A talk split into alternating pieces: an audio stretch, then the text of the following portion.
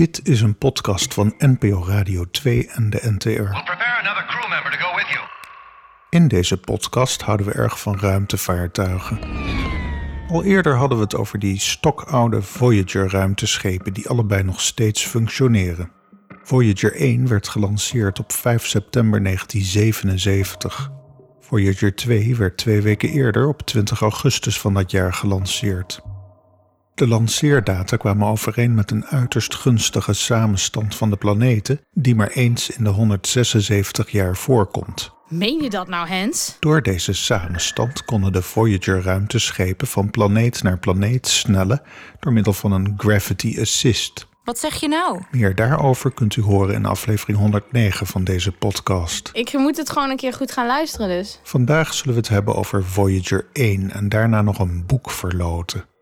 Voyager 1 vloog op 5 maart 1979 langs de planeet Jupiter en op 12 november 1980 langs de planeet Saturnus.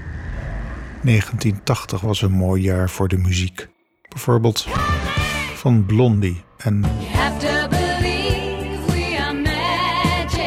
van Olivia Newton-John. Vele jaren later, op 25 augustus 2012, was Voyager 1 het eerste ruimteschip dat in de interstellaire ruimte arriveerde. Wacht, wacht, wacht. Dat behoeft misschien wat uitleg, want wat betekent dat? Eh, mag het in het Nederlands? Ons zonnestelsel is grotendeels een platte schijf met de zon in het midden, waaromheen de planeten draaien. Maar de zon in het midden straalt min of meer met dezelfde intensiteit in alle richtingen, dus zo kunnen we ons zonnestelsel ook als een bol in de ruimte zien. Die zon straalt behalve licht en warmte ook geladen deeltjes uit die precies wegbewegen van de zon. Aan boord van Voyager 1 vinden we op dit moment nog vier werkende instrumenten: een kosmische stralingdetector, een detector voor geladen deeltjes met laag energieniveau, een magnetometer en een plasmagolfdetectiesysteem. Nou, genoeg grappige dingen heb je. Alle andere apparatuur is doelbewust uitgezet om stroom te besparen. De nog werkende instrumenten registreerden op die 25 augustus 2012 een daling van ongeveer duizend keer de hoeveelheid geladen deeltjes afkomstig van de zon en een toename van ongeveer 9% in kosmische straling van buiten ons zonnestelsel. Wat bijzonder. Dat betekent dat die zonnewind ons dus ook enigszins beschermt tegen kosmische straling van ver buiten ons zonnestelsel. There just isn't. Toevallig genoeg overleed astronaut Neil Armstrong ook op diezelfde datum in 2012. U weet wel, de man van. Misschien heeft u wel eens gehoord dat Voyager 1 in deze interstellaire ruimte piepjes heeft opgevangen. We zullen er even naar luisteren. We noemen deze piepjes ook wel POE's, wat staat voor Plasma Oscillation Events. Tuurlijk. Voyager 1 neemt dergelijke schommelingen in de geladen deeltjes in de interstellaire ruimte periodiek waar. Deze gebeurtenissen vinden plaats in het frequentiebereik van ongeveer 2 tot 3,5 kilohertz en vallen daarmee prima binnen ons gehoorbereik. Wel zijn ze versneld in de tijd, want zo'n gebeurtenis kan enkele dagen duren. Oh ja, dat kan je achteraf doen natuurlijk. Zou u ze met eigen oren kunnen horen? Well, Nee, want op die plek in de interstellaire ruimte is de luchtdruk nul, aangezien er geen lucht is. Onze anatomie is in het geheel niet in staat naar plasma-oscillaties te luisteren in een bijna vacuüm. Don't hear only what you want to hear. De piepjes zijn niet heel raadselachtig trouwens. Voorafgaand aan zo'n POE is een paar keer een magnetische flux waargenomen en ook gaan de POE's gepaard met radio-emissies. De piepjes zijn het gevolg van schokgolven die de zon de ruimte inslingert.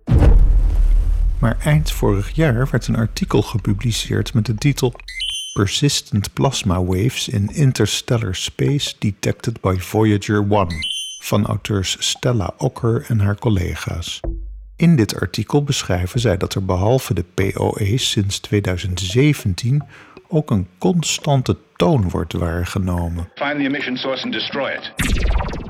Hier buiten de invloedssfeer van onze zon op een afstand van zo'n 23 miljard kilometer van ons vandaan luistert Voyager 1 dus naar een bijna constante trilling in het interstellaire plasma. Natuurlijk wilt u dit ook horen, maar we kunnen het voorlopig alleen simuleren. Al moet ik er wel bij zeggen dat de verzamelde gegevens van Voyager 1 vrij toegankelijk zijn voor het publiek. Dat het zo makkelijk kan. Met een beetje goede wil en verstand van fast Fourier transforms moet het dus mogelijk zijn de waargenomen plasmatoon hoorbaar te maken. It looks like you lost another one. Maar we kunnen een beste poging doen de toon te simuleren. Oké. In het artikel van Okker zien we dat de toon vanaf 2017 wordt waargenomen en fluctueert tussen de 3.06 en 3.15 kilohertz. Als we dat simuleren en de tijd drastisch versnellen, zeg maar een paar jaar in een paar seconden frummelen, dan klinkt dat als volgt. Het is nog niet duidelijk wat de oorzaak is van dit gefluit rond de 3 kilohertz. De auteurs dragen wat plausibele verklaringen aan, zoals kosmische straling van andere sterren. Een ander mechanisme dat ten grondslag zou kunnen liggen aan deze toon zou quasi-thermal noise of QTN kunnen zijn. Dit effect is al eerder waargenomen en ontstaat door een lokaal elektrisch veld dat ontstaat wanneer elektronen rondbewegen binnen een plasma.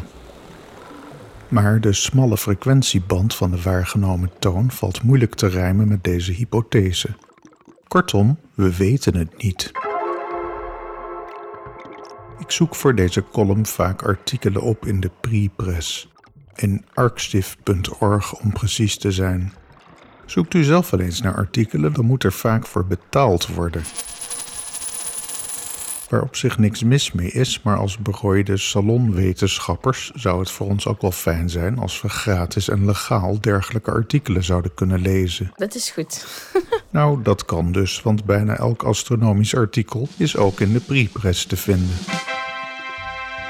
Google eenvoudig naar de titel van het artikel dat u wilt inzien en voeg daaraan toe site.arxiv.org en u zult zien dat de PDF hier gratis voor u klaar staat. Grappig. Sowieso ontvang ik veel vragen met betrekking tot boekentips. Dus daar wou ik tot slot nog even aandacht aan besteden. Een paar weken geleden sprak ik in deze podcast al met Govert Schilling. Van zijn hand is het bijzonder mooie handboek Sterrenkunde. Ik heb het zelf ook en het is prachtig uitgegeven en super leesbaar voor alle luisteraars. Ook heel prettig is dat handboek Sterrenkunde regelmatig bijgewerkt wordt. Op bol.com zie ik momenteel de tiende druk uit januari 2020. Ik heb zelf de derde druk uit 2007, die eigenlijk nog voor 99% klopt. Dit is sowieso het nummer 1 boek wat ik zou aanraden. En met harde kaft uitgegeven is het ook echt een fijn cadeau. Misschien dus wel voor uzelf. Wauw. Een heerlijke gids die al decennia lang elk jaar uitkomt is de Sterrengids. Ik heb dit boek eigenlijk elk jaar en het is een fijn naslagwerk om in te kijken wat er elke maand zichtbaar is. De Sterrengids 2022 vindt u bij uw lokale boekhandel. Behalve duidelijke zoekkaartjes die u vertellen welke planeten en sterrenbeelden er op elk moment van het jaar te zien zijn, zit er altijd achter in de Sterrengids een aantal appendices. Deze appendices gaan over onderwerpen als tijd, astrofotografie, oriëntatie aan de sterrenhemel.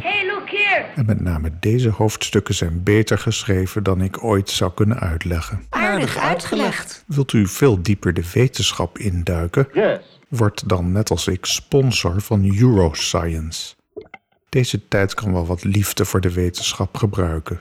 Voor slechts 90 euro per jaar bent u full sponsor van Euroscience en ontvangt u de Nature op uw deurmat. Veel in de Nature gaat mijn pet te boven, maar er staat ook veel leesbaars in en u leest op deze manier natuurlijk heel specifieke artikelen, ver voordat ze populair wetenschappelijk nieuws worden. En tot slot, voor zij die geïnteresseerd zijn in kwantumfysica, is er het briljante boek Helgoland van auteur Carlo Rovelli. Ik ontving het een paar maanden geleden van uitgever Prometheus en las het in één keer uit tijdens mijn zomervakantie. Het bijzondere aan dit boek is dat het super leesbaar is. Niet voor niets krijgt dit boek lovende recensies. Het was het boek van de week van de Volkskrant die erover schreef. Goed schrijven over natuurkunde kunnen maar weinig mensen. Bestsellerauteur Carlo Rovelli is een van hen.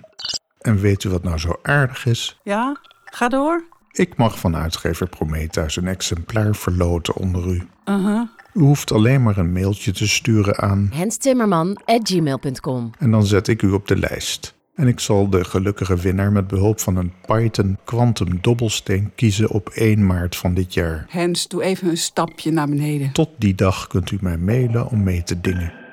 In column 200 hoort u dan wie de gelukkige is die het boek thuis ontvangt. Tot de volgende keer. Heb jij ook vragen over de sterren? Mail naar hensimmerman.gmail.com.